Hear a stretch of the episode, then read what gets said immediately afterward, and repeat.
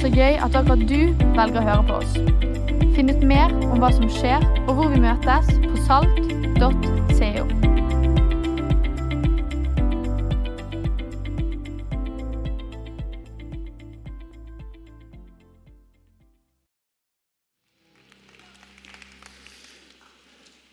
Jeg hørte at temaet for Saltkonferansen i år var 'Gi det videre', med også fokus på flergenerasjonsmenigheten, noe vi fortsetter med i morgen formiddag. Så ramla det ned en rar tale i meg. Den dukker opp av og til. eh, Og jeg sjokker litt når den liksom dukker opp igjen. Men eh, jeg skrev en bok for noen år siden som heter 'Gi det videre'. Eh, Og I den boka så er det et avsnitt som heter 'Kraft til å føde'. Og Da tenker du kanskje Har du mye erfaring med det, Egil? Ja. Det har jeg. Jeg er jo allerede blitt introdusert som far til fem og bestefar til 13. betyr at jeg iallfall har fulgt noen graviditeter ganske tett. Det begynte tidlig. Det er Ja.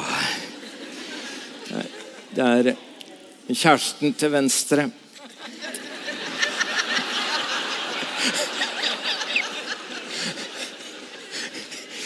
Det er det.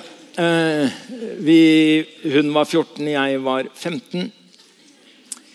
Ja, vi giftet oss når hun var 19 og jeg 20. Eh, vi satt hatt på den ene, så presten kunne se forskjell.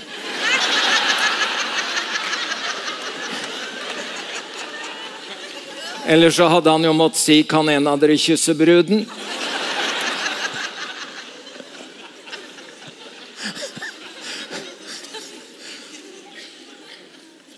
Og når vi har vært gift ett år, så kommer en gammel dame i menigheten til min mor og sier at hun syns det er så utrolig synd at Turu egentlig ikke kunne få barn. Ja, det visste jo ikke vi. En gamle damer i menigheter vet nesten alt. Så hun sa men jeg ber for dem hver eneste dag om at de må få barn. Og Mor fortalte meg dette med glimt i øyet og litt irritasjon over denne gamle damen som fulgte oss inn i soverommet hver dag med sine bønner. Så når vi hadde fått fem barn på under åtte år, så begynte jeg å be. Og Av og til får du mer enn du ber om, så Herren tok vår søster hjem.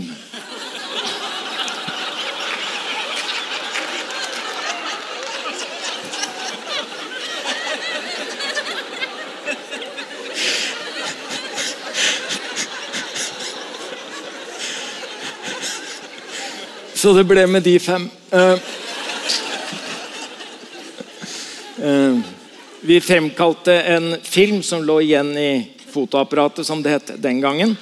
Og et bilde fra barselavdelingen og fødeavdelingen på Aker sykehus. Og jeg mener at det bildet med den teksten er feilplassert.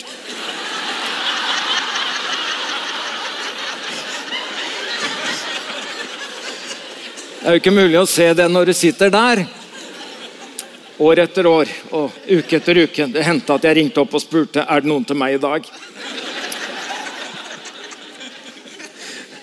Men det var eh, når hun eh, fødte Fredrik, eh, han nummer tre fra venstre, som meldte seg altfor tidlig, at det ble krise.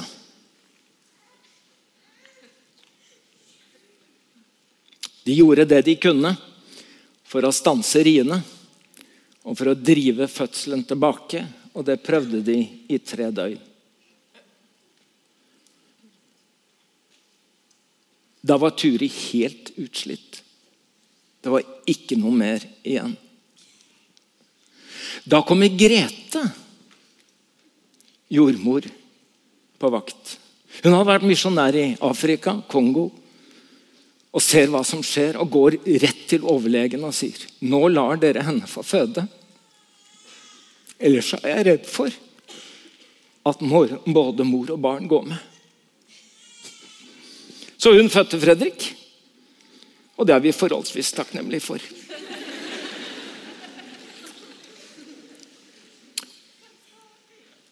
så sier Hiskia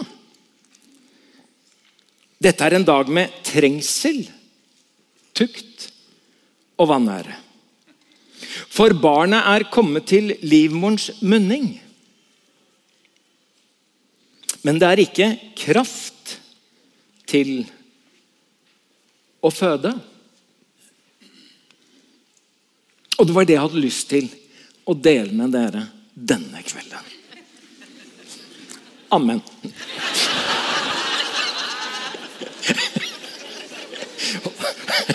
Han kom og gikk. I våre mer feministiske tider så er kanskje dette en dårlig overskrift. At kvinnen er skapt til å føde. Det høres ut som en gammel lesebok. Mor føder barn, far leser avisen. Som Arild Edvardsen skrev i sin dagbok da Rune Edvardsen ble født. Da holdt han på med møter oppe i Kongsmo, eh, altså Arild. Så skriver han i dagboken sin i dag fikk Kari en sønn.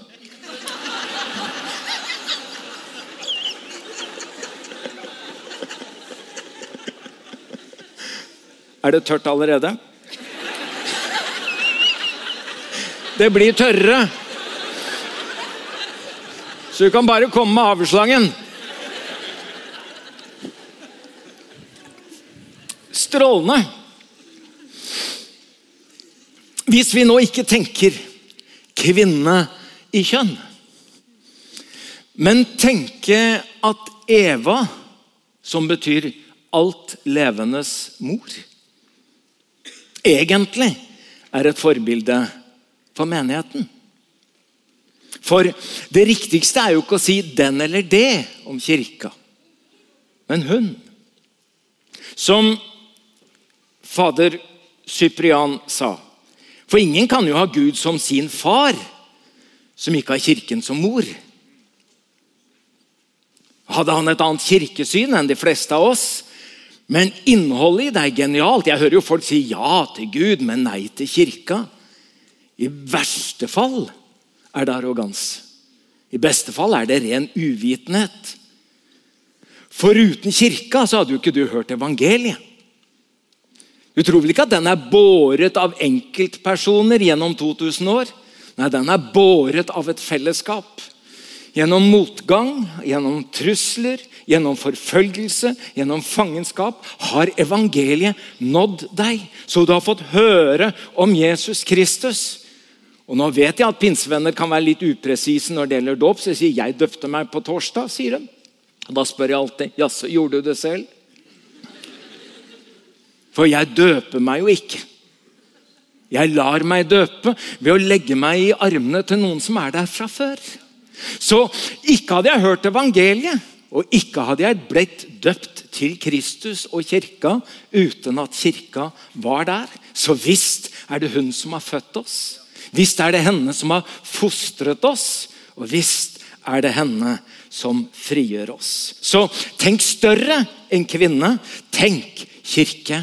Og tenk at hun er skapt til å føde. Amen. Rop av glede, du ufruktbare, du som ikke fødte. For det skal jo sies at veldig mange har ikke egne biologiske barn, men er utrolig barnrike. Tenk deg alle i misjon og menighetsliv som ikke fikk av en eller annen grunn egne barn, men som ga seg til så mange andre og har så mange barn i alle aldre. Og tenker der ble en mor i menigheten. Han ble en far for oss alle. Så tenk stort. Utvid tankegangen, utvid perspektivet for å rope av glede, du ufruktbar. For jeg vet jo at bare jeg sier ordet 'kraft til å føde', skapt til å føde, så vet jeg at du treffer din smerte tøft. Dette er jo din sorg. Dette er jo ditt savn. Dette er din dypeste lengsel. Dette er dine ubesvarte bønner. Og hvor mange jeg har snakket med, og hvor mange jeg har møtt i denne dype sorgen over det de ikke fikk. Alt det de har prøvd. Alle forsøk, alle hjelpemidler. Alt det de har tenkt Å, tenk om alle barnløse menigheter var som dere. Bar på samme sorgen, bar på samme smerten over at det ikke fødes flere barn, og at nye generasjoner kommer etter. Tenk om alle hadde vært villige til å prøve nytt og prøve annerledes og gjøre alt det som står i deres makt. Og nå vet jo jeg at når jeg taler om dette, så er det allikevel vondt. Men så har Gud også gitt meg en merkelig gave. Den funker ikke 100% men nesten. Jeg aner ikke hvor, altså jeg vet ikke hvorfor sånne gaver er sånn, men jeg vet ikke hvor mange barnløse par jeg har bedt for, og som har kommet tilbake året etter. Se her, da! Dette fikk vi! Og enten det nå er biologiske barn du lengter etter, eller det er mer barn i kirke nedenifra eller utenifra, så ber jeg om at du må få kraft til å føde. Amen. Det er jo et merkelig spor i Bibelen. Et spor av alle barnløse kvinner. Jeg skjønner ikke. Det, nesten, det virker nesten som et mønster. Altså At det ikke er en tilfeldighet. For det ser ut som om hver gang Gud i historien begynner å gjøre noe nytt, skriver et nytt kapittel, går fra én fase til neste, så begynner det ikke med hva vi kan, men hva vi ikke kan. Ikke med hva vi får til, men hva vi ikke får til.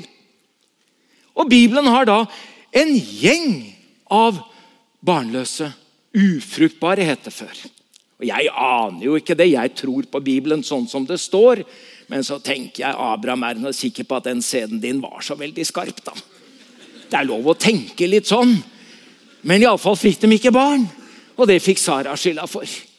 Og nå var han 90, så da var det vel ferdig.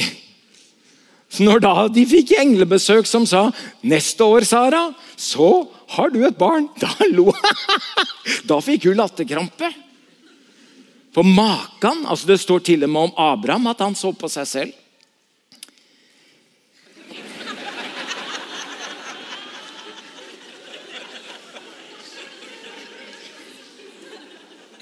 Blir ikke barna dette?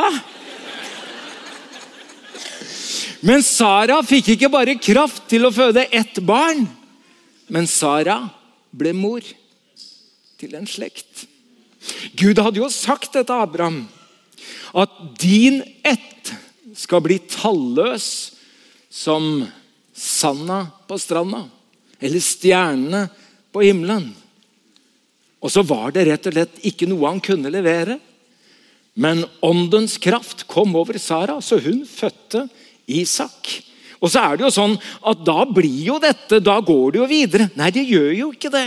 For Isak gifta seg jo med Rebekka. Og Rebekka kunne ikke få barn. Hun fikk ikke barn på 20 år. hun. 20 år! Og så åpnet Gud Rebekkas mors liv. Da fødte hun Jakob, og det ble Israel. Ja, Da går det jo videre. Nei, det går ikke videre. For Jakob giftet seg jo med Lea og med Rakel. Og Lea fikk barn, men ikke Rakel. Da skjedde det et mirakel. Ja, det var veldig god, Egil. Ja, det må jeg skrive. Det bør jeg få med. Husk mirakel. Husk mirakel. Ja, men Er det ikke vakkert, da? For vi sier så selvfølgelig. Vi tror på Abrahams, Isaks og Jakobs Gud.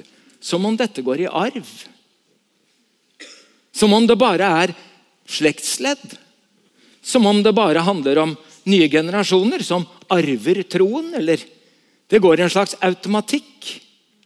Men det gjør ikke det.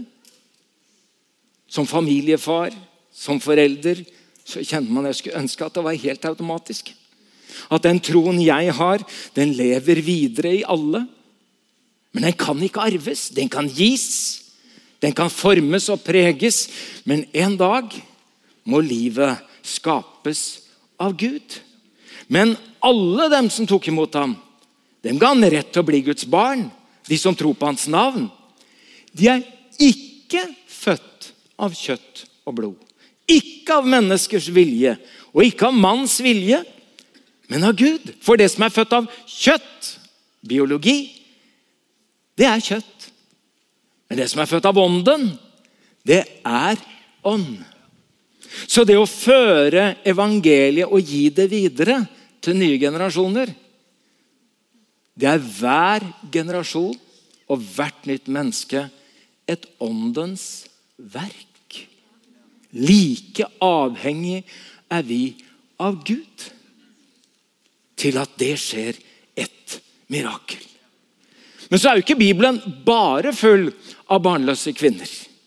Men det er også kraftfulle kvinner. Og en av de som virkelig framstår som det store forbildet, det er Hanna i Det gamle testamentet. Hanna betyr nåde. Og Hanna hun bar på en stor sorg. Mannen hennes hadde to koner. Og hun andre kona hun fødte barn så det sang. Mens Hanna fikk ingen. Og hun som fikk mange, erta hun som ikke hadde. Det er ikke alltid lett å være den menigheten i byen som går nedover mens den andre vokser. Mens noen andre har framgang, så er det noen som har tilbakegang. Mens noen har masse barn og unge, så er det noen som har mista to generasjoner. Hanna gråt ut sin smert. Hvert år dro de til Shiloa. Der skulle de ofre og tilbe, men denne gang var det ikke høytid, for hun bar en dyp sorg. Jeg kjenner pastorer som ikke reiser på sånne pastorkonferanser. For de er redd for at noen skal spørre hvordan har dere det. Jeg orker ikke å si mer. At vi gjør så godt vi kan, men det blir dårlig. Det har jeg prøvd. Det var meg som skulle skrive og lese årsrapporten for 1992. Eh, Den leste jeg i mars i 1993. Og Det skal jeg gjøre etter talen på gudstjenesten. Og så oppdager jeg tidlig i gudstjenesten to kollegaer fra TV 2. De hadde aldri vært der før. Og jeg tenkte måtte dere absolutt komme i dag. For jeg hadde jo gått igjennom menighetsprotokollen fra 1916, siden menigheten ble startet, og jeg visste at 1992 er menighetens dårligste år i hele historien når det gjaldt antall nye medlemmer og døpt. Når jeg hadde lest det, så tok jeg av meg skoa. Og så la jeg meg flatt. Og så ba jeg innenfor menighetens og Herrens åsyn om at dette for alltid måtte forbli det dårligste året i menighetens historie. Presten nede i tempelet han trodde at Hanna var full, for det var jo høytid, og det var mye godt å drikke på. Men hun sier, 'Jeg har ikke drukket, men jeg er full av sorg'. Og så skjer miraklet. Det er at Gud lover at Hanna skal få en sønn. Og hun får denne sønnen som hun kaller Samuel, som betyr ja, bønnhørelse. For hun kunne det jo ikke selv. Hun trengte nåde, og nåde og bønnhørelse, det hører i hop. Og så bringer hun denne gutten tilbake og gir han tilbake til Gud. Denne gutten var det jeg ba om. Herren har hørt min bønn.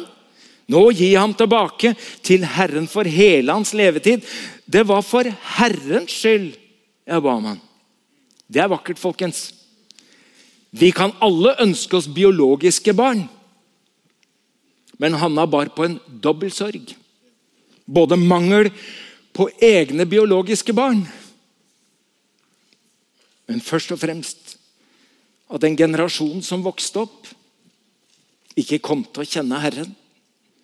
Så det var for Herrens skyld jeg ba om han. Du vet, Man kan be om egne barn, men man kan også be om at egne barn blir til velsignelse for andre. Man kan tenke 'nå fikk jeg det jeg trengte', eller man kan tenke 'nå fikk denne byen det den behøvde'. Jeg møtte Øystein vet du, lenge før han havna her. Ja, ja, vet, du har vel havna her, må vi si det. Jeg prøver å lure Øystein til Oslo, men det var ikke mulig. Og av en av de fem tingene som du, Øystein, sa Det er fem ting jeg skal gjøre i livet. Så sa du og jeg skal plante en menighet som planter menigheter. Når du har hørt en ung en som har studert i USA, og jeg traff deg vel i den forbindelse, som sier det, så tenker jeg ja, ja, det kan jo gå bra. Men det å komme tilbake på konferanse og kommer folk litt herfra og derfra Da tenker jeg En ting er at Gud rører ved deg. En annen ting er hva Gud kan gjøre gjennom deg ved det han gjør i deg. For Israel var det et tideskifte. De var i ferd med å avslutte dommertiden. Det visste de ikke om sjøl, men nå hadde det jo vært dommere og profeter. Nå skulle kongene komme.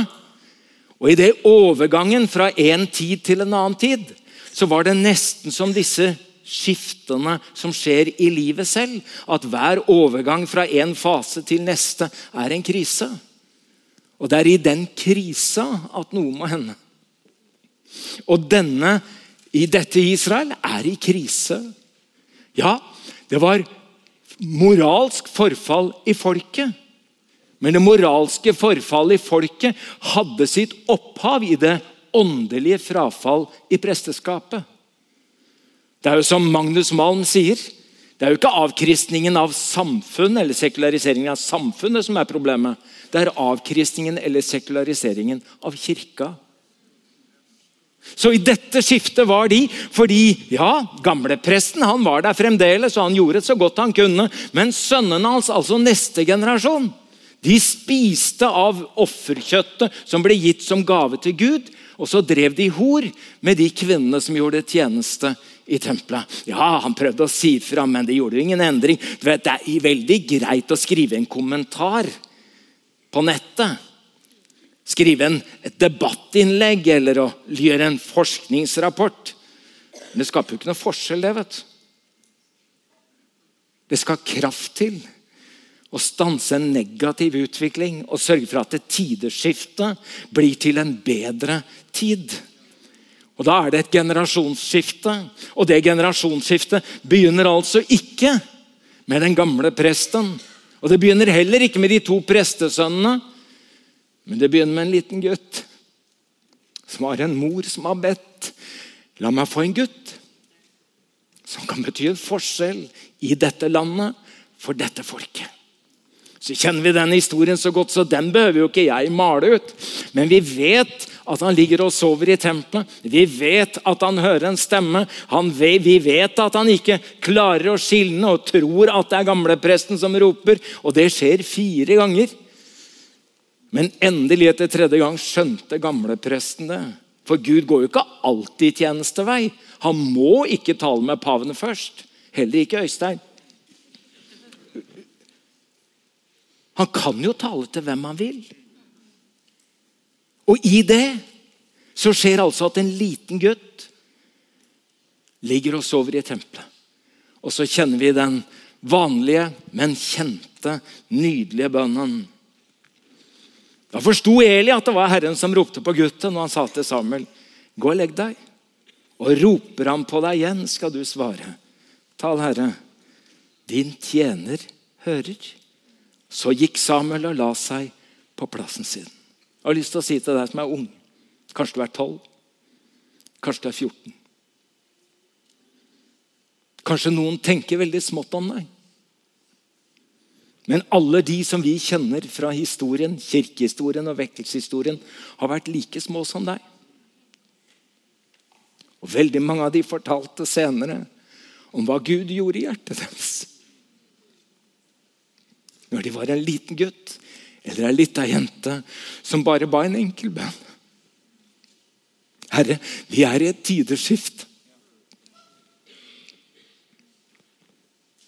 Det er moralsk forfall i folket pga. et åndelig forfall i presteskapet. Tal, Herre. Din tjener hører. Du vet, Det vi trenger, uavhengig av alder Og det er jo det eh, Torbjørg taler om og underviste om i dag, skal fortsette i morgen. Og Linda. Det er jo rett og slett at vi blir mødre og fedre. Turi og jeg vi var gift i tre år før vi fikk det første barnet. Og Det var en fantastisk tid. Altså, det var Er det mulig? Vi spiste når vi ville. Vi dro når vi ville, vi sov når vi ville, vi elsket som ville. Altså, vi var helt ville. Vi var helt ville. Og så kom det første barnet. Og da sa jeg nå drar vi dit. Kan ikke det. Han skal sove. Ja, men nå gjør vi det! Er ikke mulig, det, for han skal spise. Er det mulig, det? At en ny en skal styre hele skuta? Ja. Og så så jeg at hun gikk med klær etter hvert som hun ikke sjøl likte engang. Så sa jeg neste gang er det din tur. Og Så ser hun på meg og så sier hun, ja, men ungene trenger. Og Så følger du en på sykehus, og så sitter du på sengekanten og så tenker du jeg ville gjerne bytta dette med deg. Og da tenker jeg hva er det som skjer? To selvopptatte, frihetselskende mennesker som har fått noen inn i livet sitt som er viktigere enn dem selv. Sånn at det beste vi har, vil vi gi til dem, og det verste de har, vil vi ønske å avlaste dem med. Det høres ut som mødre og fedre. Altså at de aller minste gjør oss til det største vi kan bli. Mine barn, som jeg igjen må føde med smerte, til Kristus vinner skikkelse i dere. Det er sånn mødre og fedre kjenner, uavhengig av alder og kjønn, i kirka. Det er å føde og føde igjen og igjen. Og så skjer det store skiftet. Det store skiftet skjer jo nå fra Det gamle testamentet til det nye. Den, gamle, den, den, den siste profeten i Det gamle testamentet, altså Malaki, han sier at det skal komme en i Elias' ånd. Og han skal vende fedrenes hjerter til barna. Problemet er jo at mora hans ikke kan få barn.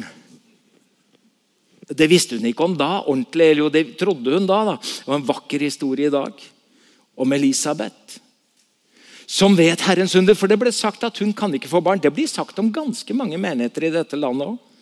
Nei, det skjer ikke noe der. Nei, der er ikke mulig. Nei, Der er det nok ingenting som hender. Vær litt forsiktig med å avskrive. Han skjøt opp som en kvist av tørr jord, heter det om Jesus. Det finnes noe. Det finnes noe. Og ut av dette blir altså Johannes døperen født. Men mora hans kunne ikke få barn. Men så skjer jo det største miraklet av de alle. Og det er jo at Maria, som til og med ikke har vært sammen med noen mann, at hun skal få barn. Du vet at Jeg syns jeg begynner å se et mønster. Det er barnløse kvinner som ved Guds inngrep og hjelp ved Den hellige ånd får kraft til å føde. Og det er selvfølgelig at Når Maria får høre at hun skal bli mor til Guds sønn, så er det eneste naturlig å spørre ja, men hvor i all verden skal det skje. Og det er det mange pastorer som tenker også. Da svarte Den hellige ånd, da svarte engelen, Den hellige ånd skal komme over deg, og Den høyestes kraft skal overskygge deg. Derfor skal barnet som blir født, være hellig og kalles Guds sønn. Mitt budskap til deg denne fredagskvelden i Saltkonferansen 2022, det er Den hellige ånd skal komme over deg. For vi er kalt til å føde barn.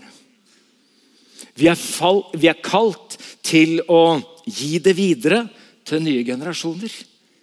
Og der møter vi vår svakhet og er avhengig av å møte Guds kraft. Dette er et av de vakreste bildene jeg vet om. Det skal jo forestille Elisabeth, som på sine eldre dager er blitt gravid med døperen Johannes. Og Den unge Maria som oppsøker slektningen sin fordi hun er jo blitt gravid med Jesus. Og Så møtes to generasjoner, og for første gang møtes ordet i Maria og røsten i Elisabeth. Og når ordet og røsten møtes, da tar røsten en salto. Bare av glede. Jeg har lyst til å si til deg at vi sammen kan stille oss innenfor Guds ansikt og be om kraft til å føde, visdom til å fostre og kjærlighet til å frie, frigjøre nye generasjoner for Jesus. Skal vi reise oss?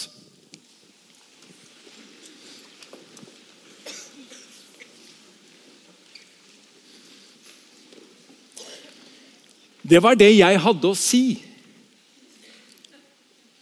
Men jeg tror at Den hellige ånd har mer han vil gjøre. Og jeg tenker at En sånn fredagskveld som dette er en fantastisk mulighet til rett og slett å si Tal, Herre, din tjener hører. Og det andre du kan si, det er Herre, gjør meg til en mor og en far som føder nye barn. De har sagt at det er mulig å få forbønn, at noen ber for deg, med deg, legger hendene på deg. Og den tørsten og lengselen du bærer på etter å bli døpt og fylt med Den hellige ånd, skal Gud møte deg på. Og så skal du bli fruktbar ved at det livet som Gud planter i din ånd og i ditt hjerte, det er det livet som får kraft til å føde. Så nå står vi innenfor Guds ansikt. Her er vi i Guds verksted. Vi ber Den hellige ånd om å gjøre noe i oss og med oss alle sammen. Da tenker jeg alle disse forsamlingene som kommer fra Skien og fra Trondheim og her fra Bergen. og Så kommer dere litt som grupper. Så tenker jeg at vi også kan tenke Herre, kom over oss, ikke bare for vår egen skyld, men for byen, for bygda, fra Voss. Alle dere er. Og så sier Herre, tal, din tjener hører. Her er jeg. Og så ber jeg om at du gjør meg til mor og far som blir foreldre til nye barn og nye generasjoner. Amen. Det er mulig å få forbønn, og så står vi innenfor Guds ansikt.